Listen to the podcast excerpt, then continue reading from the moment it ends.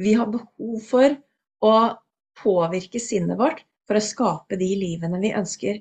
Og det var jo det som var tanken bak yogamagi, som jo ble født uh, ideen til under nedstengning og en veldig turbulent tid i hele samfunnet, hvor jeg hadde veldig mange på kurs hos meg, digitalt eller fysisk, som slet veldig med motivasjon, som opplevde motløshet, depresjon, angst, usikkerhet, håpløshet. Ja, det, du har jo sikkert møtt tilsvarende. Ja. Og hvor jeg tenkte hva kan jeg gjøre i yoga?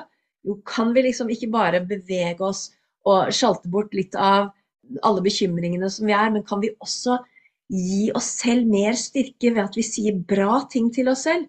Tenker mm. tanker som er oppløftende. Jorder oss selv og forankrer oss selv i det trygge. Kobler oss på noe som er stabilt. Gjennom det vil vi kunne bygge opp mer styrke til å håndtere de utfordrende vi står i i hverdagen.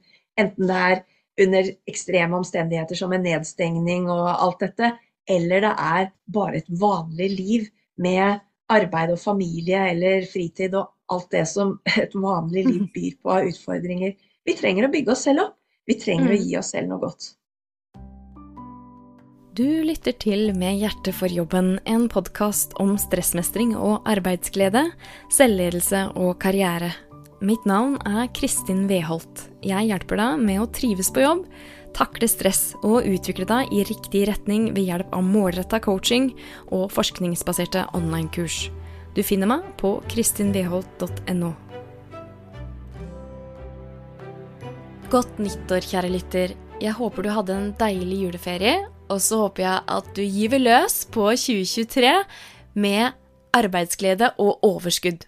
Og hvis ikke du gjør det, hvis ikke du føler arbeidsglede, og hvis ikke du føler overskudd, så håper jeg at 2023 blir det året da du gjør noe med det.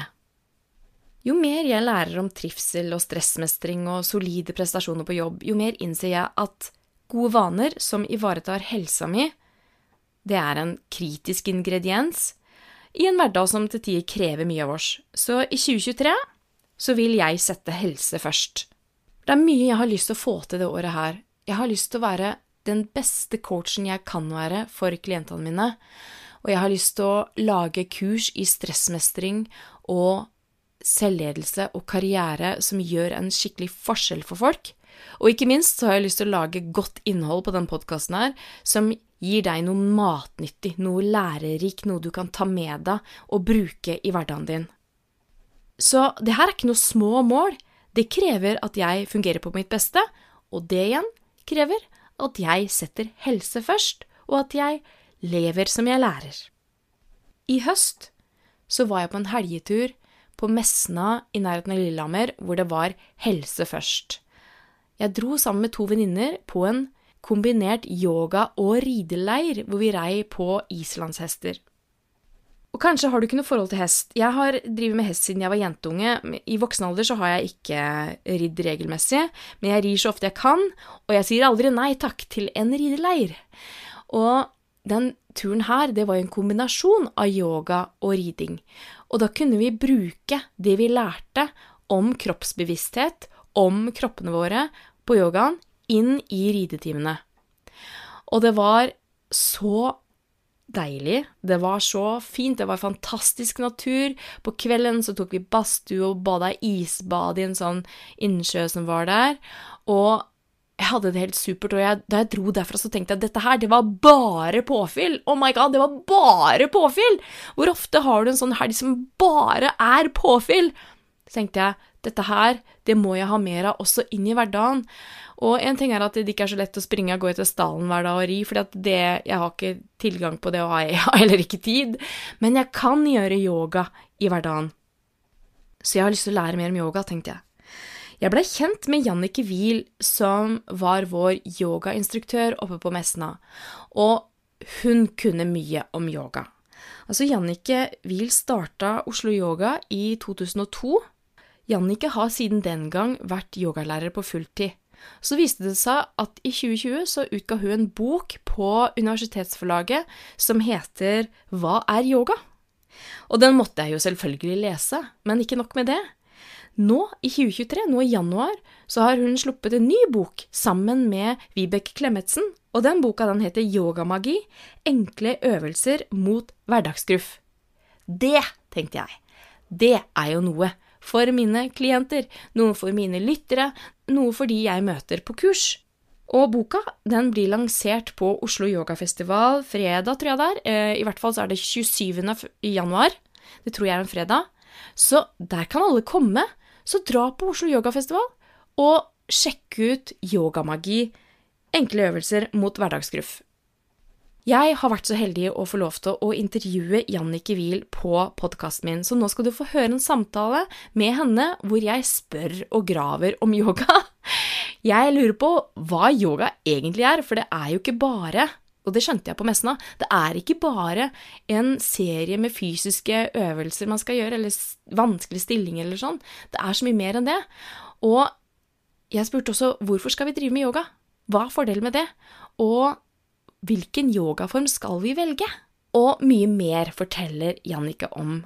Jeg syns det blei en kjempefin samtale, så her kommer intervjuet jeg gjorde med Jannicke Wiel i forrige uke, og jeg håper at den er like inspirerende og lærerik for deg som den var for meg.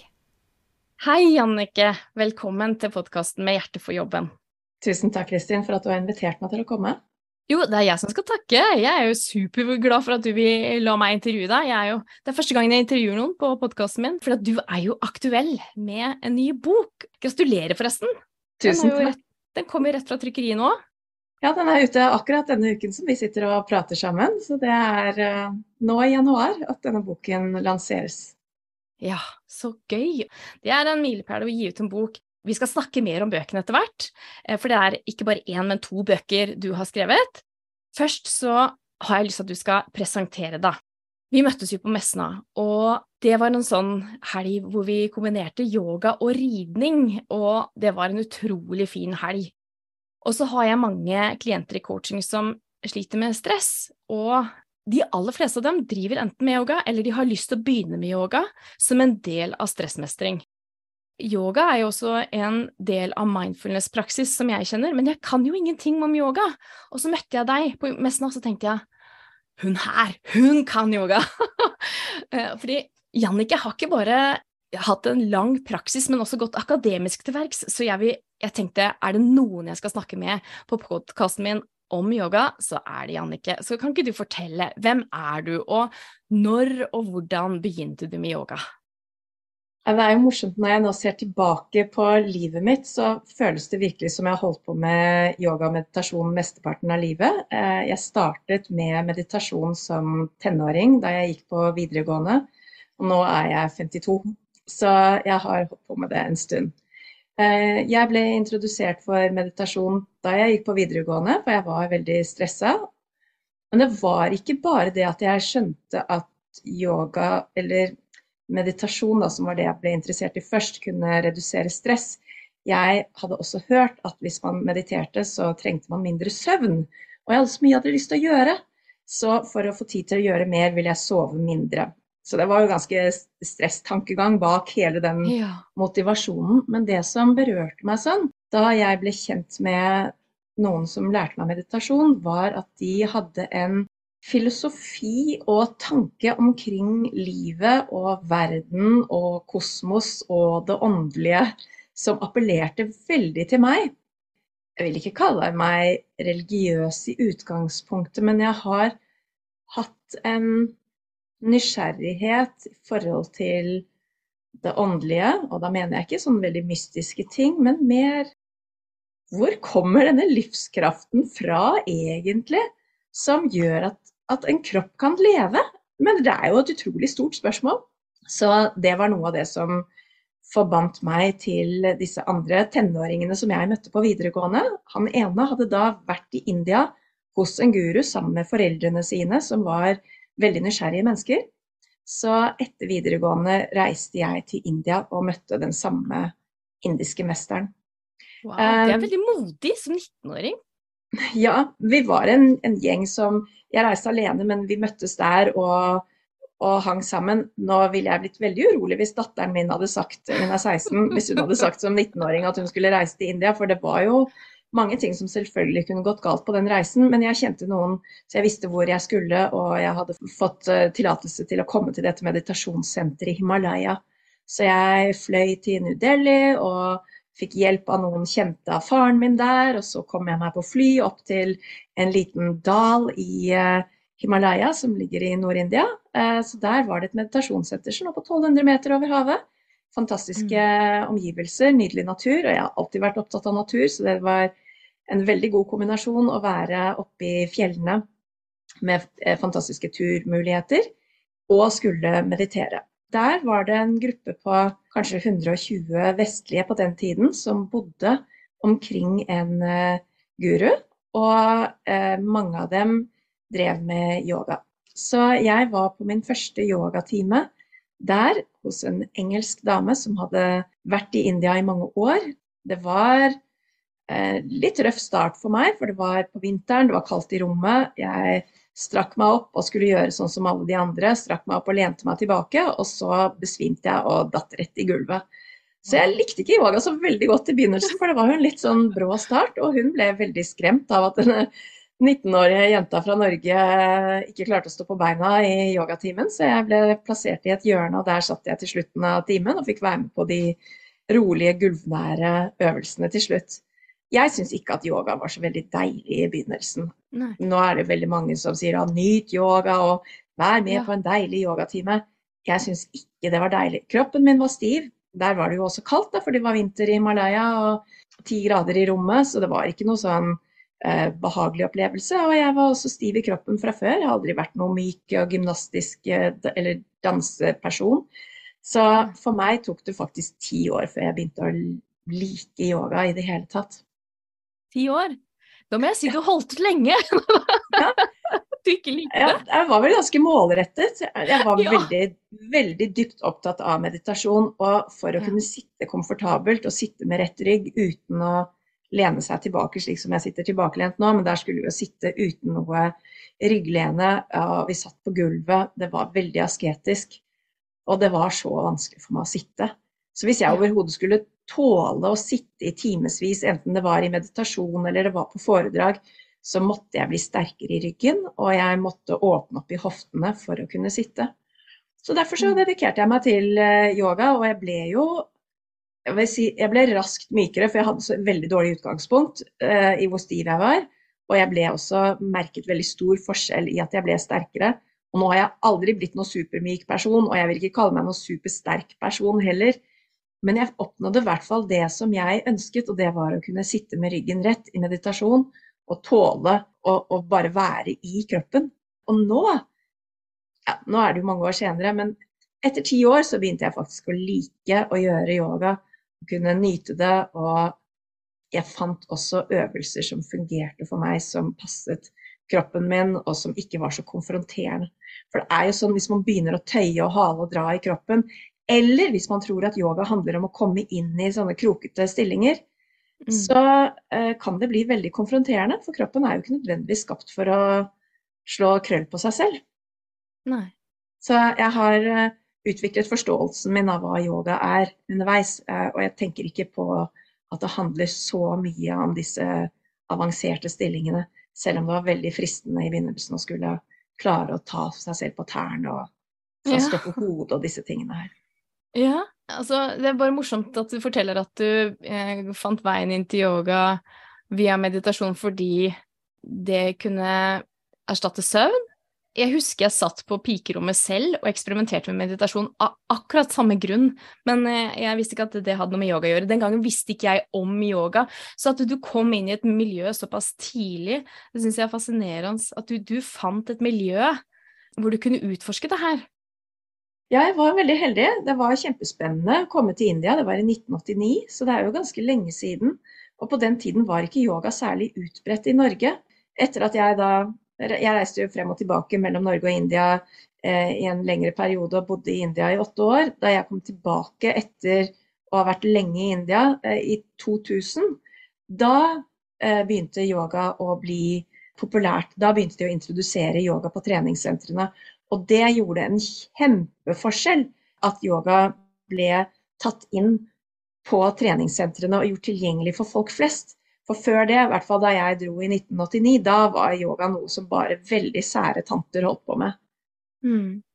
Så det var en åtteårsperiode hvor jeg var i India ett år av gangen, og bare med disse korte avbrekkene i Norge. Og det var også nødvendig for meg å komme tilbake til Norge, fordi jeg studerte indisk filosofi i India, men jeg var tilknyttet filosofisk, filosofisk institutt på Det filosofisk-historiske fakultetet på Blindern. Mm. Eh, og der eh, hadde jeg tatt eh, grunnfag og mellomfag. Og så fikk jeg mulighet til å ta magistergraden, som er en litt mer sånn selvstendig forskningsgrad. Som jo er avviklet nå, men da trengte jeg ikke å være på universitetet. Så fra 1992 så had, gjorde jeg mine studier i India av indisk filosofi mens jeg hadde en veileder eh, på Universitetet i Oslo som heter Jon Vetlesen, som var professor i filosofi. Han Ja, han, hadde ja. studert eh, buddhisme og var en veldig klok mann. Og han Mm. var veldig snill mot meg og veiledet meg eh, og sendte brev frem og tilbake med, Wow. eh, hvor han ga tilbakemelding på avhandlingen som jeg da endte opp med å skrive. wow, så fint. Jeg var veldig heldig. Eh, og jeg var også ekstra heldig fordi at jeg fikk et veldig stort stipend fra Norges forskningsråd, som var interessert i å få en norsk kvinne, da helst, til å studere noe i Asia. Og jeg hadde tatt sanskrit på universitetet, så det kvalifiserte meg da til å ta studiene mine videre i eh, Ja. India.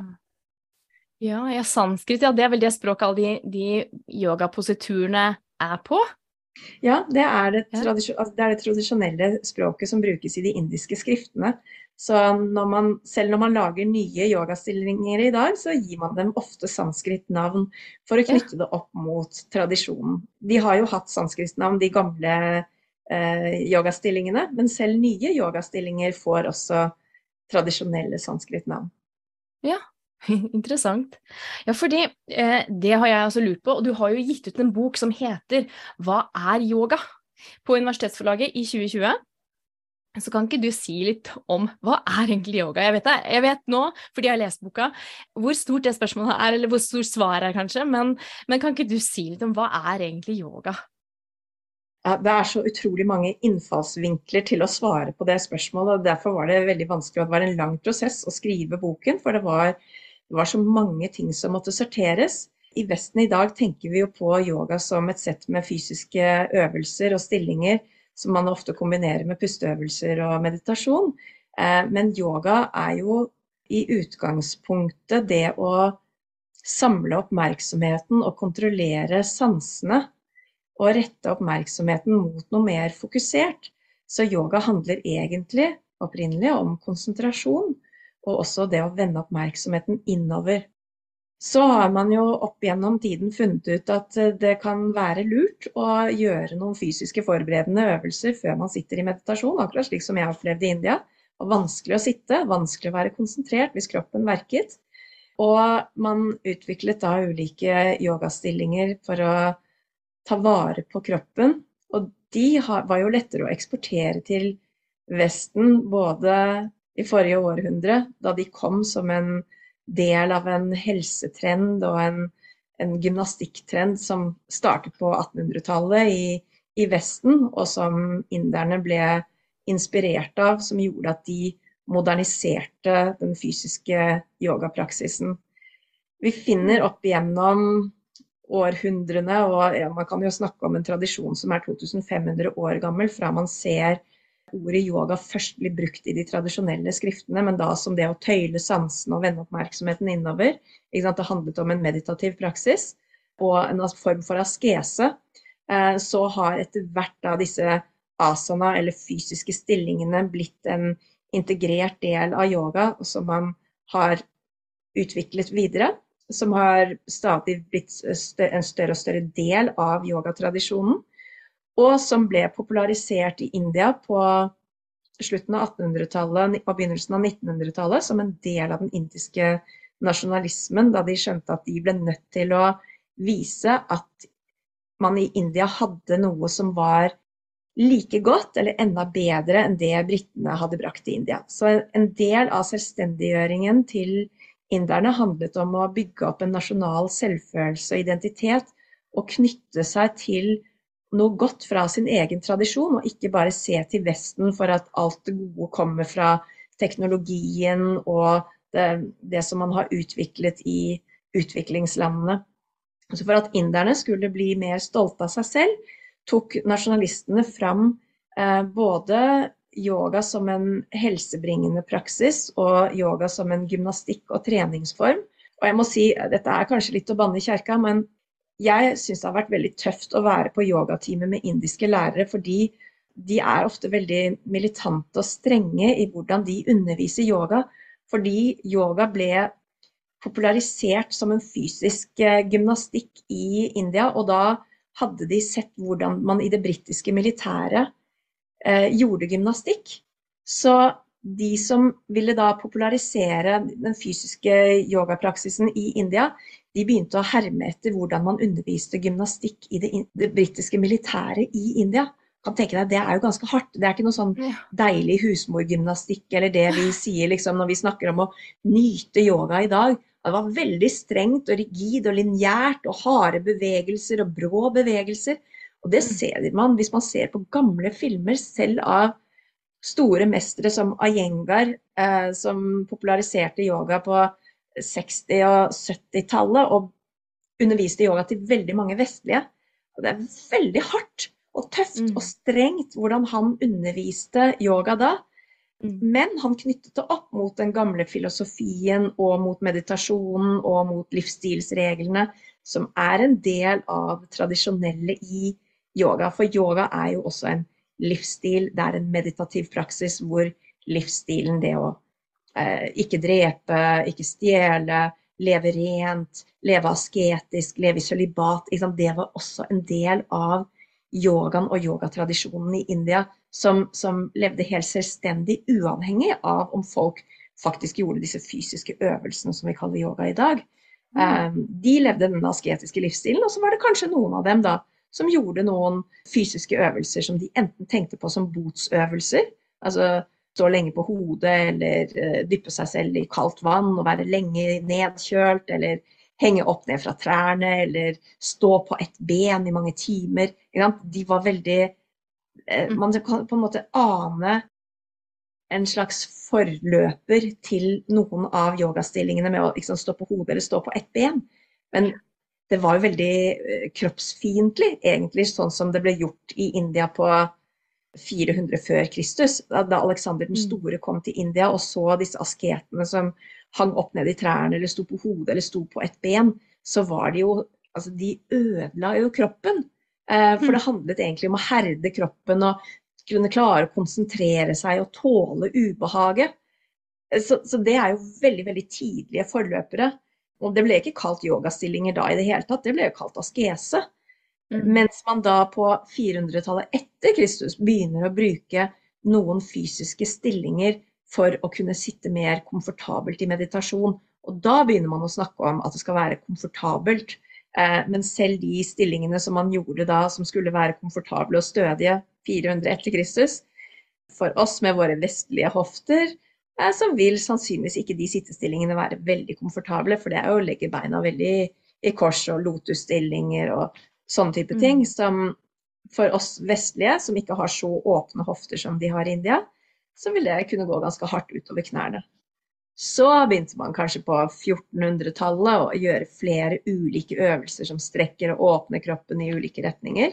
Og på 1800-tallet i India så begynte man å snakke om at yogaen hadde en nei, Man snakket faktisk om helseeffekten av yogaen også på 1400-tallet, men da var det litt sånn overtroisk og sprøtt. Altså hvis du kan legge pannen på knærne, så blir du kvitt alle magesykdommer og sånne som er litt overdreven.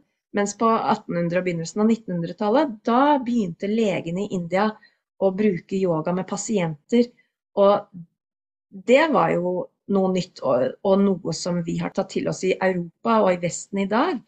At vi ønsker yogaens helsemessige gevinster. Og det var noe som de begynte med på 1900-tallet i India.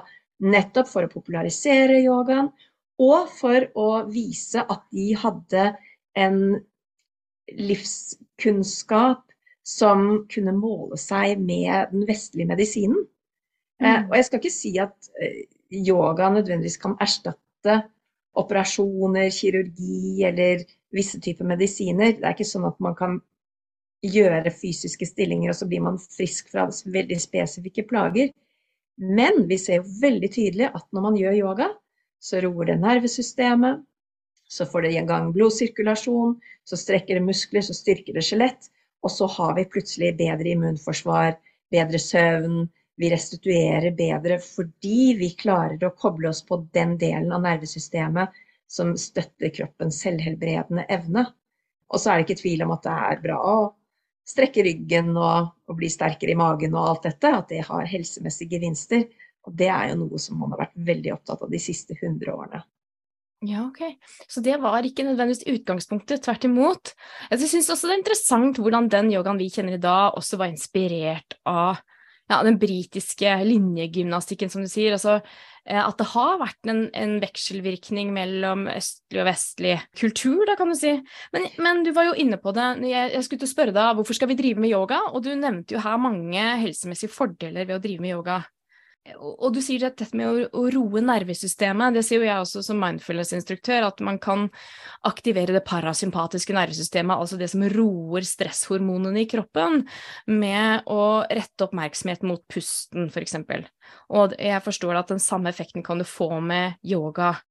Jeg har en uh, treningsapp med noen yogavideoer på, og den ene den varer i 30 minutter, og den heter Yoga to Distress.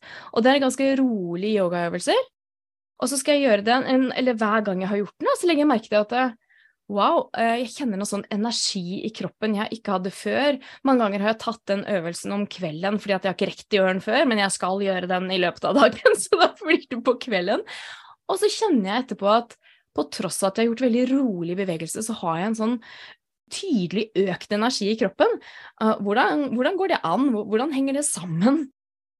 Jeg tror det er veldig mange ulike ting som skjer. For det første, når vi gjør yoga Yoga gjøres jo alltid eh, med rolig pust. Jeg, skal ikke si alltid med rolig pust, for det er noen spesifikke øvelser som gjøres med rask pust, men stort sett gjøres det med en jevn og rolig pust.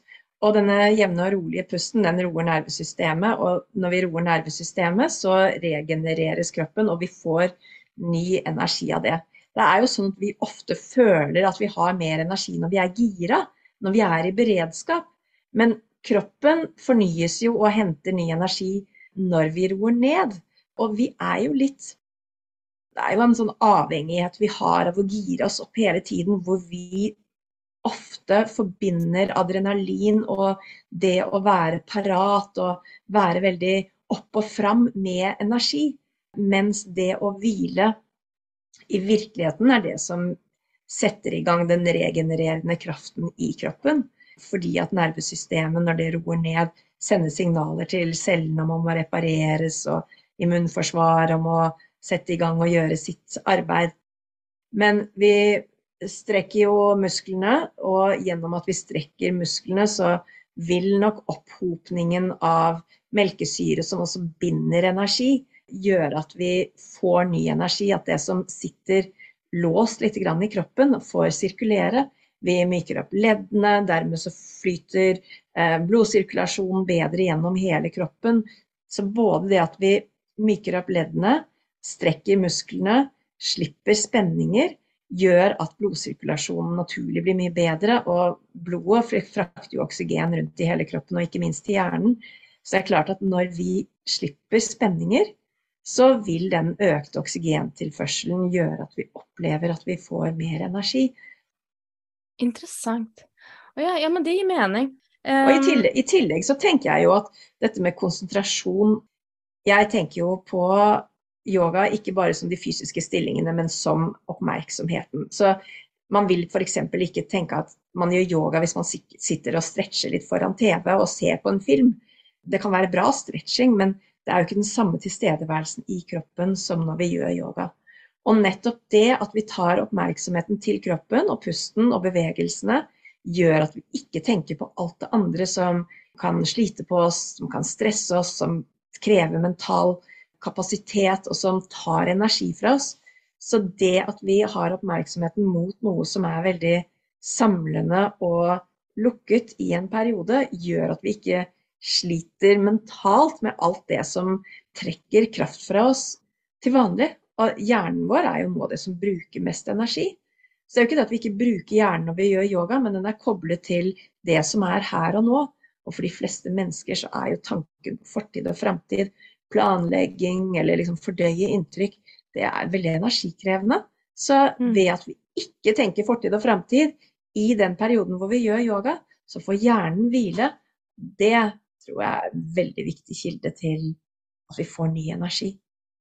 Og det, det minner, meg om, uh, minner meg om den forskningen man har gjort på flytsone og det begrepet flow av me high. Altså at, fordi det er en form for mindfulness, da, uansett hva slags aktivitet du driver med. Når du går helt inn i noe, og du glemmer tid og sted, og det kan være en arbeidsoppgave, eller det kan være håndarbeid, eller, eller det kan være yoga. Altså, til og med så er det der yoga flow uttrykket dukker opp på treningssenteret, og at man kommer inn i en sånn meditativ bevegelse som Ja, man er bare her og nå i den opplevelsen forskningen på flow, eller flytsona, viser jo at det er, det er, en av de største kildene våre, eller kanskje den største kilden til hverdagsglede, nettopp fordi vi ikke tenker på framtid og fortid og bekymrer oss for hvordan vi framstår, eller for alt som kan gå gærent. Altså, så det, ja, det gir mening at vi får energi av det òg, at vi setter kverninga på pause. Virkelig. Et av de prosjektene som jeg så på da jeg skrev Hva er yoga? for å kunne legge til grunn noe forskning, var et eh, forsøk hvor de hadde tre grupper studenter.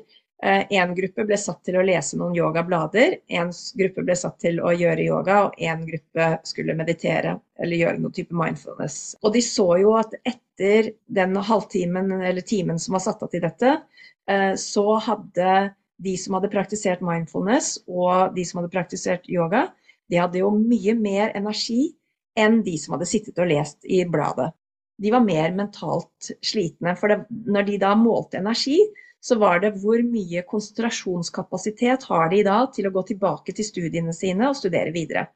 Hvor lenge mhm. klarer de å være oppmerksomme etterpå? Og hvor oppmerksomme er de? Hvordan løste de oppmerksomhetsøvelser eller konsentrasjonsøvelser? Så mindfulness eller meditasjon og yoga hadde samme effekt eh, etter at de hadde praktisert en halvtime. Det som jeg syns var litt interessant, da, og det er jo ikke for å disse mindfulness, for jeg er kjempetilhenger av det, og jeg er jo må si mer eh, egentlig personlig interessert i den mentale delen av yoga enn den fysiske. Til tross for at jeg underviser i fysisk yoga og gjør det også. Men det de så, var at rett etter de hadde praktisert mindfulness og yoga, hadde de to gruppene lik eh, grad av konsentrasjon, lik grad av energi. Men etter en time så hadde de som hadde gjort yoga, mer energi enn de som bare hadde sittet stille og gjort mindfulness-øvelser. Sånn at det at man kombinerer kropp og eh, denne konsentrasjonen, hadde en mer langsiktig virkning på energien og konsentrasjonen. Så er det jo selvfølgelig ikke alltid at man har mulighet til å strekke på seg og rulle ut en yogamatte. Noen ganger er det mye lettere å praktisere mindfulness hvis man sitter mm. på bussen f.eks. Men det har noe for seg å bevege kroppen også i forhold til det å få ny energi. Ja, Nei, det er kjempeinteressant. Altså, da jeg begynte å trene yoga, og jeg skal ikke si at jeg har gjort det regelmessig nå, for det gjør jeg ikke, eh, selv om jeg har en ambisjon om det, så er det ofte noe som må vike for annen treningsform, fordi jeg fortsatt er litt sånn prestasjonsorientert, da. Jeg er litt sånn at hvis ikke du blir svett og sliten, så er det ikke trening. så, så, min tilnærming til yoga var jo veldig, det var veldig naturlig å velge ashtanga-yoga, fordi det er, det, det er en av de mer krevende eller atletiske formene som du jeg, I hvert fall jeg blir veldig svett av og sliten av. men, men, det er jo ikke sikkert at det hadde vært den yogaformen som hadde vært best for meg. Altså, kan du si litt om de ulike yogaretningene sånn i grove trekk, og så si hvordan man skal velge? Det er veldig mye å velge mellom, og stort spekter. Og jeg tror jo det viktigste er at man velger noe som man blir tent på og motivert til å fortsette med. For alle ulike yogaformer er bra og har noe godt for seg. Så man må jo finne ut hvilken lærer man har god med, hvem som klarer å inspirere til en fortsatt praksis, og hva slags, eh, hva slags yoga som passer kroppen til enhver tid. Og jeg føler jo at jeg bruker yoga til ulike ting. Det ene er at jeg bruker yoga som en treningsform, og da hvis jeg tenker på at jeg vil styrke kroppen, så er det jo fordel å, å gjøre noe som er litt tungt og krevende. Ashtanga-yoga eller dynamisk yoga, vinyasa-yoga er navnet på noen av disse hvor man bygger litt muskelstyrke og, og blir varm. Det finnes mange ulike retninger der, men de er jo ofte vanlige på treningssentre. Så har vi noen yogaformer som er mer, har mer fokus på å roe ned, sånn som det som kalles yin-yoga eller restaurativ yoga, eller man kanskje kaller bare rolig yoga eller yoga mot stress. Det har jo mer fokus på å roe nervesystemet, og hvor det kanskje er lengre tøyinger, at man jobber mer med bindevevet eller med nervesystemet i de yogaformene, og hvor det ikke er et fokus på å styrke muskulaturen. Jeg tenker jo at begge deler er veldig viktig, og kanskje kunne man tenke seg i den ideelle verden, som jo kanskje ingen av oss lever i eller har tid til, så hadde man kanskje gjort noe dynamisk yoga om morgenen, og så hadde man gjort noe rolig yoga på ettermiddagen eller kvelden, sånn at man løfter energien og styrker kroppen og setter i gang sirkulasjonen på begynnelsen av dagen. Og så gjør man noe rolig om kvelden for å kunne fase ut dagen, roe ned beredskapen, kunne sove bedre om kvelden og også strekke ut og tøye etter dagen. Det tenker jeg jo ville være det optimale hvis man skulle ha tid til det. Men siden mange kanskje bare har tid til å gjøre yoga et par ganger i uken eller noen korte øvelser hver dag, så er det jo viktigst å tenke på hva du trenger, egentlig. Mm. Så har du en egen fast yogapraksis? Jeg har eh, noe som jeg liker å gjøre, eh, som jeg gjør så ofte som jeg kan. En liten morgenmeditasjon med en pusteøvelse som jeg føler løfter energien eh, min, som jeg blir varmere i kroppen av det. Jeg får et mentalt løft også. Det er virkelig noe som skjer hvor jeg føler at jeg våkner. Og så kombinerer jeg det med en takknemlighetspraksis. Jeg har um, syv yogaklasser i uken, så jeg gjør jo en del fysisk yoga underveis i løpet av uken i forbindelse med klassene mine. Så jeg gjør ikke så mye fysisk yogapraksis utenom de timene. Uh, for da føler jeg at jeg ville slitt mye på kroppen, men jeg holder på med annen trening i tillegg. For meg er den mentale delen av yogaen det aller viktigste. Og så har jeg lyst til å snakke litt om bøkene dine. Først da, så har jeg lyst til å spørre deg om den Hva er yoga-boka? Eh, fordi når jeg leser den, så Nå har vi jo vært litt inne på det. Jeg har, jeg har jo stilt deg spørsmål hva er yoga, og eh, da jeg leste om historikken bak yoga, så må jeg si jeg fikk meg noen overraskelser. Det var ikke alt som var intuitivt. Altså hvordan yoga framstilles i dag som er, noe som er behagelig og, og, og, ganske feminint mye i Norge.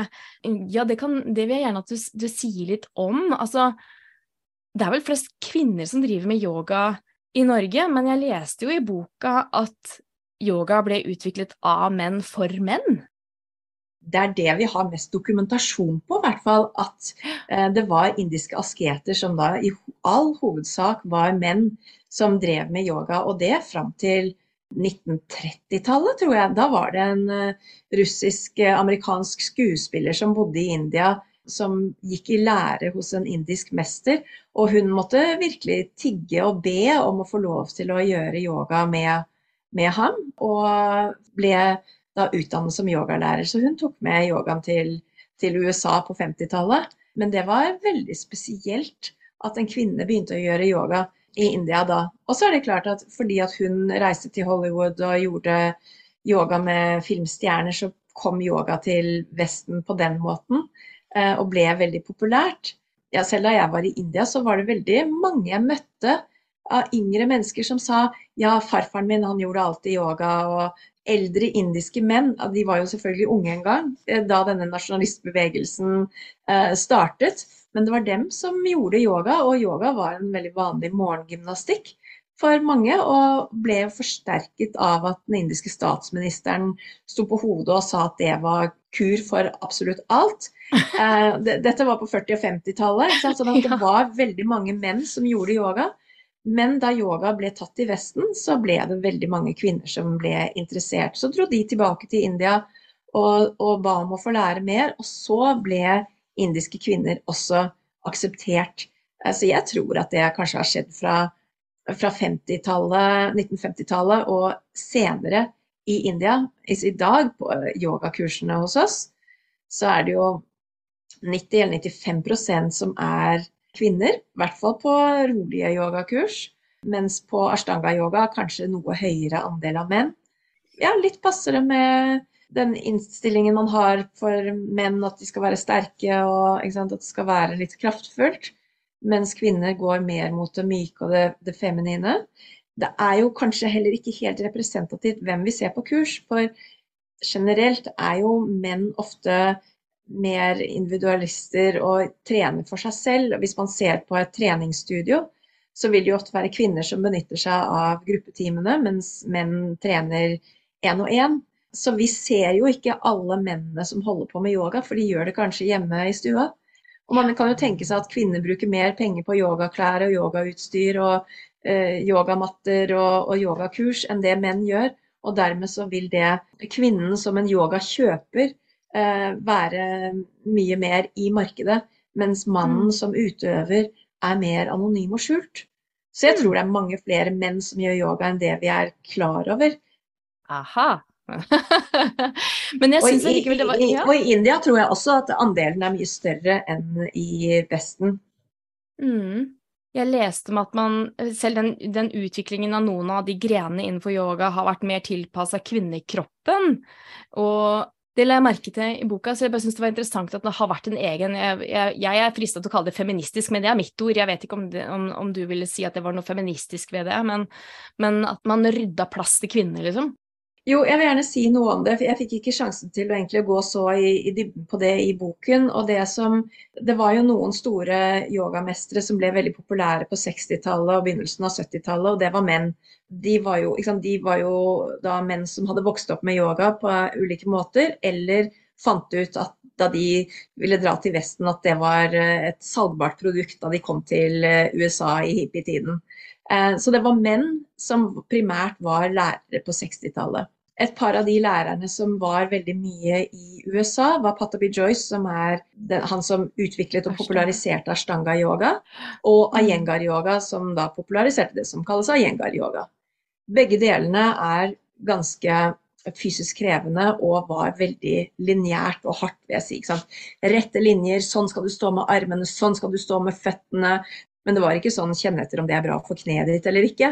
Og det som skjedde, var at disse lærerne var jo veldig inspirerende og engasjerende. Men flere kvinner, og flere kvinner enn menn, opplevde at denne yogaen som de lærte av disse mestrene, faktisk gikk på bekostning av, uh, av kroppene deres. Uh, noen som praktiserte veldig mye ashtanga-yoga, uh, mistet kanskje menstruasjonen. noen gjorde ting med kroppen som gjorde at kroppen fikk skader. Og noen av disse tidlige kvinnene som studerte med de indiske mestrene, de tok faktisk et oppgjør med dette her. Og jeg beundrer dem. De var veldig sterke, for de ble virkelig hånet og gjort narr av. Hun som, hun som fant på å bruke yogamatte, f.eks. Altså, vi tenker jo i dag at yogamatte er en essensiell eh, del av en yogapraksis, at man har en yogamatte. Da jeg var i India, vi hadde ikke noe yogamatter der. Vi la et teppe på gulvet når vi gjorde, når vi gjorde øvelser. At det kunne være et gulvteppe som gikk fra vegg til vegg, som vi gjorde de stående øvelsene på. Så kanskje vi hadde et lite ekstra sjal som vi la under oss når vi gjorde liggende eller sittende øvelser, bare for at det ikke skulle være kaldt fra gulvet. Og de som ikke var på kaldt gulv, de gjorde vel bare rett på gulvet. Eh, og da en som heter Angela Farmer, som studerte med Ayengar, hun hadde noen problemer med huden, at ikke den utsondret noe svette, og dermed fikk hun ikke noe særlig godt grep. Faren hennes var teppehandler. Du vet hvordan det er sånne underlag under tepper, sånne antisklimatter som man legger ja. under tepper. Ja. Hun lånte farens antisklimatter som han hadde under gulvteppene som han solgte, og begynte å gjøre yoga på det. Ja. Så fant hun ut at da kunne hun stå i disse stillingene, for da skled ikke føttene hennes på gulvet, sånn som det gjorde hvis hun sto rett på et tregulv eller, eller steingulv. Så hun tok med seg denne antisklimatten på time med Ayengar. Og han latterliggjorde henne så fullstendig, hånet det at hun skulle bruke noe utstyr. Så mange år senere har han blitt liksom den yogamesteren som har brukt mest utstyr av alle. Men hun møtte virkelig motstand og endte opp med å forlate ham. Og så begynte hun å bevege seg mye mykere, så lage mer bølgende, sirkulære bevegelser, og hun var mer inspirert av dans. Eh, så mm. hun brakte det inn, samtidig som hun hadde mye av presisjonen og beholdt noe av det hun hadde lært derfra, men hun hadde en helt annen måte å gå inn i stillingene på, som var mye mer skånsomt for leddene. Eh, og det var flere store lærere i USA, Shiveray og andre, som også da hadde eh, jobbet veldig hardt med den strenge yogaen, som fant ut at de måtte gjøre en yoga som var mer bølgende, mer sirkulær, mer runde bevegelser, og ikke dette strenge og krevende. Og ikke minst gjøre det roligere, lytte mer og tilpasse det til månedssyklusen, sånn at når de hadde mensen, så gjorde de ikke fullt så mye, eh, eller gjorde en mer myk praksis. Mer mm. avspenningsorientert praksis.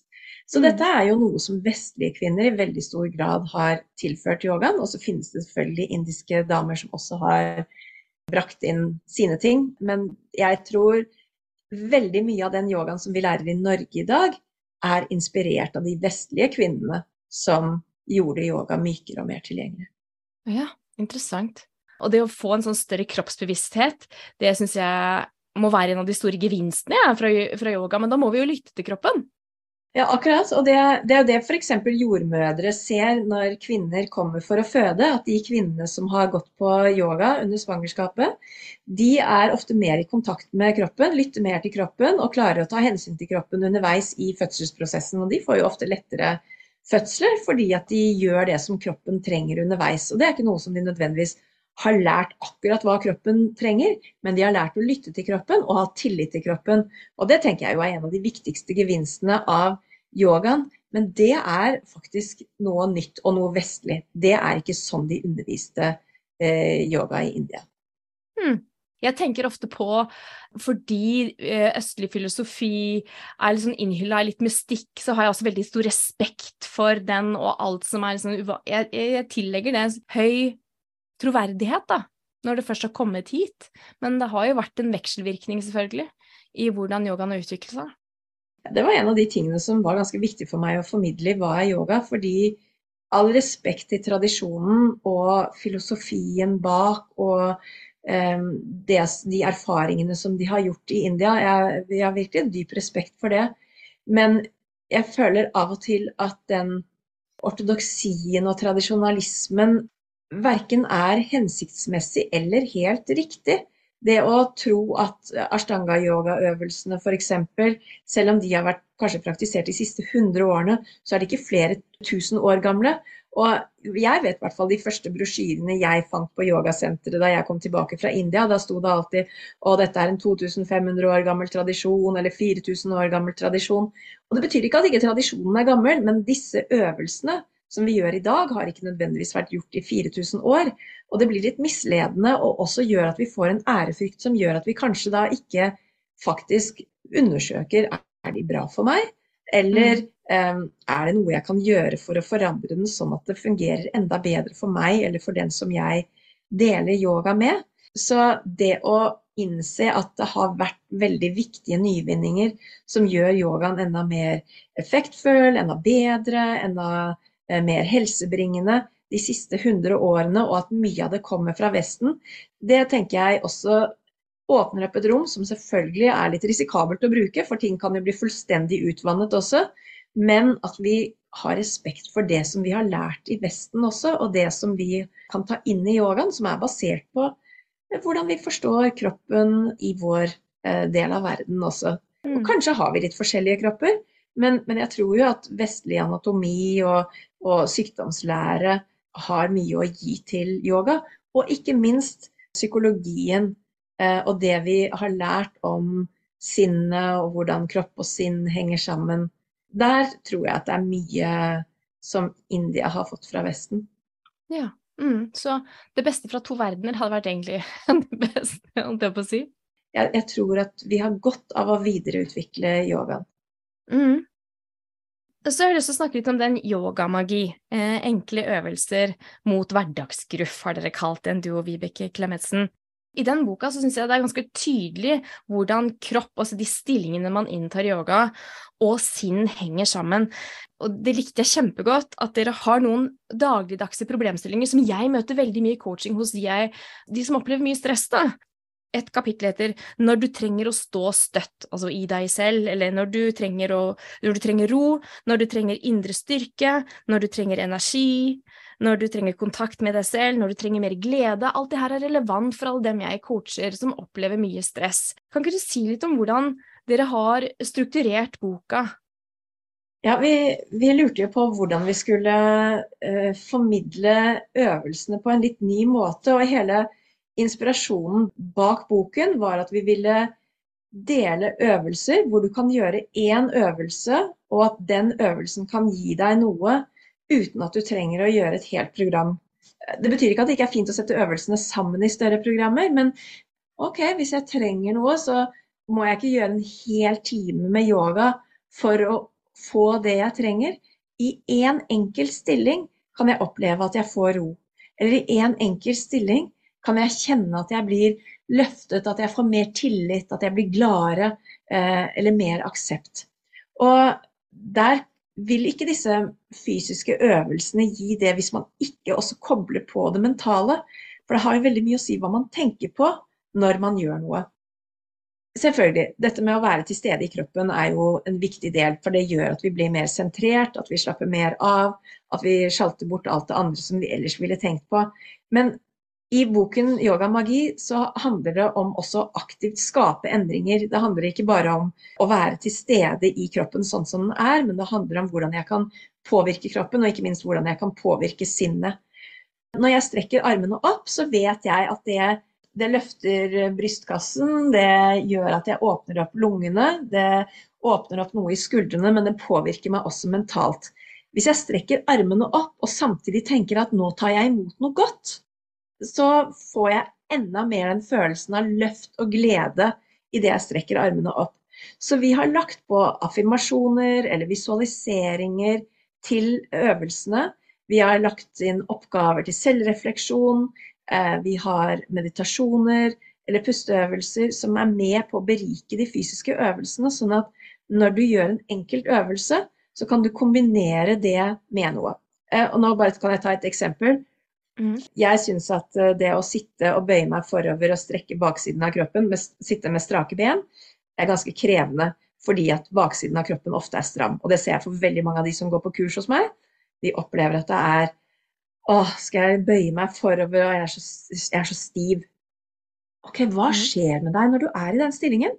Begynner du å kritisere deg selv og tråkke på deg selv og si 'jeg er så stiv, og det går ikke bra, og det er vondt, og det er ubehagelig'? Det er jo en måte å bringe seg selv ned. Så mm. er det noe vi kan gjøre for å skifte innstilling når vi er i den stillingen. Ja, kanskje kan du rose deg selv. Og det er jo noe vi mennesker trenger å gjøre med oss selv i hverdagen. Det er ikke alle oss som har venner som gir oss ros eller sier hyggelige ting til oss. Vi trenger å være vår egen beste venn, vi trenger å rose oss selv. Ja, men la meg øve på å gjøre det i denne yogastillingen. sier noe hyggelig til meg selv. Kanskje jeg sier 'Å, ja, nå har du gjort ditt beste mens du har vært på yogamatten', eller 'Å, du har jammen stått i mye i dag, du greier så mye'. Hva enn det er jeg sier. Og det tror jeg jo vi trenger å lære å ta med oss av matten også. Vi trenger å se oss mm. selv i speilet og si du er bra! Du ser godt ut i dag! Hyggelig mm. å se deg! Ikke sant? Sånn at det blir jo en læring for livet. Så slik har vi lagt inn ulike mentale øvelser knyttet til alle de fysiske øvelsene. Noen er det andre yogalærere som også har brukt. Mange av dem har vi lagt inn selv fordi at vi tenker at hvis jeg gjør dette i denne stillingen, så blir denne stillingen mye mer kraftfull for meg. Så mm. yoga viser den transformative eh, muligheten vi har ved å kombinere yoga med affirmasjoner, visualiseringer og mentale øvelser, det viser egentlig tankens kraft. Og mm. noen av disse visualiseringene og, affirmasjonene og meditasjonene kan man jo like gjerne gjøre et annet sted enn på yogamatten. Vi har behov for å påvirke sinnet vårt for å skape de livene vi ønsker. Og det var jo det som var tanken bak yogamagi, som jo ble født uh, ideen til under nedstengning og en veldig turbulent tid i hele samfunnet, hvor jeg hadde veldig mange på kurs hos meg, digitalt eller fysisk, som slet veldig med motivasjon, som opplevde motløshet, depresjon, angst, usikkerhet, håpløshet. Ja, det, du har jo sikkert møtt tilsvarende. Ja. Og hvor jeg tenkte hva kan jeg gjøre i yoga? Jo, kan vi liksom ikke bare bevege oss og sjalte bort litt av alle bekymringene som vi er, men kan vi også gi oss selv mer styrke ved at vi sier bra ting til oss selv? Tenker mm. tanker som er oppløftende. jorder oss selv og forankrer oss selv i det trygge, kobler oss på noe som er stabilt. Gjennom det vil vi kunne bygge opp mer styrke til å håndtere de utfordrende vi står i i hverdagen.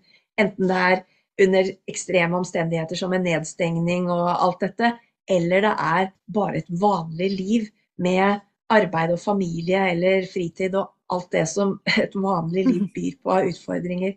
Vi trenger å bygge oss selv opp. Vi trenger mm. å gi oss selv noe godt. Ja, nå, ble jeg, nå kjente jeg, nå fikk jeg energi av å høre deg snakke om det her. For det, er jo, ja, skri, det, det, står jo i tittelen, altså mot hverdagsgruff. Og det kan vi alle trenge. Og noen øvelser, noen strategi vi kan ty til. Og jeg liker også den tanken om at du kan ta én øvelse, du trenger ikke kjøre et helt program, men én øvelse hvor du jobber dedikert med en problemstilling, som f.eks. å snakke fint til deg selv og jeg syns det var en veldig flott bok. altså Den er med bilder, så du kan se de ulike yogastillingene, og en veldig sånn trinn for trinn hvordan man kommer inn i de ulike stillingene. da. Ja, Boken virkelig appellerer til sansene gjennom estetikken, og den er veldig instruktiv i eh, hvordan de fysiske øvelsene blir beskrevet. Og jeg tenker også på det som en inspirasjonsbok som man kan bruke selv om man ikke egentlig er interessert i fysisk yoga. Eh, jeg tenker jo at det mm. er en selvutviklingsbok i tillegg til at det er en yogabok. Men den havner jo selvfølgelig på bokhyllen for, eh, for yogabøker i bokhandelen. Mm. Så hvor kan vi få kjøpt bøkene? Bøkene finnes nå i eh, bokhandler over hele landet. Både Ark og Nordli som kjeder har tatt inn. Så jeg har sett det allerede i flere bokhandler siden boken kom. Eh, man kan bestille boken på nettet. Så den, mm. den, er nok lett å få tak i nå. og Hvis ikke bokhandelen som du går i har den allerede, så er det ikke noe problem å bestille. For Cappelen Dam er jo tross alt uh, Norges største forlag, er det ikke? Og, og har jo et kjempenettverk. Mm. Så til slutt så har jeg lyst til å spørre deg, hvordan ser for deg yogas framtid? Jeg tror jo faktisk at det er på vei til å bli mer interesse for eh, den mentale delen av mindfulness-delen av yoga. Det har vi jo sett de siste årene, at flere underviser i mindful yoga og kombinerer yoga og mindfulness. Jeg tror det som vi har fokus på i yogamagi med mentale øvelser, er på vei inn. I høst så møtte jeg en svensk yogabokforfatter som heter eh, Magdalena McWeld. Hun er veldig populær med yin-yoga i Sverige og har en app. Og, og da vi møttes, så snakket vi om boken hun da var i ferd med å utgi selv, og, og min bok. Og så så vi det at dette med innstilling, at begge vektlegger det i våre bøker, så føles det som det er veldig i tiden å snakke om hvordan vi kan påvirke oss selv mentalt, og hvordan vi kan påvirke kroppen gjennom eh, hva vi tenker. Så jeg tror eh, interessen for yogafilosofi og tenkning om den mentale biten virkelig er på vei inn. Jeg ser også både på yogafestivalen i år og i forhold til et yogafilosofikurs som jeg skal ha på Zoom som starter i februar, at det er mer pågang på dette enn det det har vært tidligere. Jeg tror eh, yoga som fysisk praksis kommer til å nå ut til mange flere. Eh, jeg opplever etter gjenåpningen at det er flere bedrifter som er interessert i å ha yoga. Og at fordi man ser at yoga kan anvendes eh, for ulike, enten det er helseplager, idrettsprestasjoner eller ulike formål, så tror jeg at yoga kommer til å bli brukt mer av eh, smalere grupper. F.eks. En, en gruppe som startet med yoga hos oss digitalt under nedstengningen, var en gruppe med mennesker med utlagt tarm. En annen gruppe var yoga for folk som har skoliose. Eh, det at man kan undervise digitalt gjør at yoga kan nå ut til flere, og at flere vil ha nytte av det. Så jeg tror både foreninger og bedrifter og interessegrupper kommer til å be om å få yoga spesialtilpasset til dem. Og jo mer kompetanse yogalærere har, både i forhold til eh, det fysiske og den mentale delen av yoga, jo mer tror jeg at yoga kommer til å nå ut til veldig mange spesielle, ulike målgrupper hvor yoga anvendes for eh, spesifikke ting. Slik som du også opplevde da du var på yoga og ridehelg.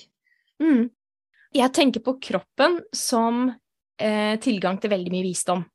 At kroppen vet som regel hvis vi sitter og baler med et spørsmål, enten det gjelder skal jeg bli i jobben min eller ikke, eh, skal jeg være sammen med kjæresten min eller ikke, altså til syvende og sist så vet kroppen vår, og det å lære seg å involvere kroppen mer og bruke den visdommen som er der, gjennom eh, fysiske øvelser, og det å ta inn det mentale og se hvordan det henger sammen, det, det tror jeg er en stor ressurstilgang vi bare har masse å lære om. Virkelig det kjennes som vi egentlig bare står i begynnelsen av noe som kommer til å utvikle seg til å bli mye, mye mer. Jeg håper jo at yoga kommer til å nå inn i skoleverket og mindfulness også. Det er så mange verdifulle verktøy som mennesker trenger å ta med seg helt fra begynnelsen av livet. Eh, og det kan gjøre læringen lettere, og det kan gjøre livet lettere. Mm, så fint. Jeg kunne snakket med deg i evigheter, kjenner jeg. Men eh, nå har vi snakket eh, i en time, tror jeg, og vel så det. Så eh, vi må avslutte. Men jeg vil veldig gjerne få si tusen takk for at du ville være med på podkasten min, Jannike. Eh, det har vært en glede å ha deg her. Jeg er så imponert over all den kunnskapen du har, og jeg kjenner at jeg bare klør i fingrene etter å lære mer. Så jeg oppfordrer alle til å lese bøkene dine. Hvis, hvis du er det minste nysgjerrig på yoga, les hva er yoga og yogamagi? Enkle øvelser mot hverdagsgruff. De er altså skrevet av Jannicke Wiel, og eh, yogamagi er, er, i tillegg skrevet av Vibeke Klemetsen. Så tusen takk for nå, Jannicke. Tusen takk for at du inviterte meg. Tusen takk for en kjempehyggelig samtale. Og jeg er alltid åpen for å bli kontaktet hvis det er noen som har lyst til å høre mer, hvis det er noen som har lyst til å delta på kurs. Og du, og også dine lyttere, er hjertelig velkommen til boklanseringen vår, som skal være på Oslo Yogafestival fredag 27.1 klokken 6. Ja. Den er åpen for alle. Da vil man også få høre mer om boken og oppleve noen av øvelsene fra boken. Så jeg er veldig glad for alle som kontakter meg, og tusen, tusen takk, Kristin, for en veldig interessant og inspirerende samtale. Tusen takk. Du har lytta til Med hjerte for jobben, en podkast om stressmestring og arbeidsglede, selvledelse og karriere. Mitt navn er Kristin Weholt, og jeg er coach, kursinstruktør og karriereveileder. Vil du selv lese artikler og andre kilder jeg viser til i podkasten, sjekk shownotes til denne episoden.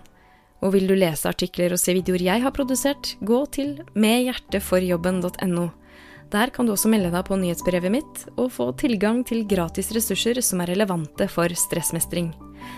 Gå gjerne inn og rate denne episoden, og del den med en venn som kanskje også kan ha nytte av å høre denne. På gjenhør!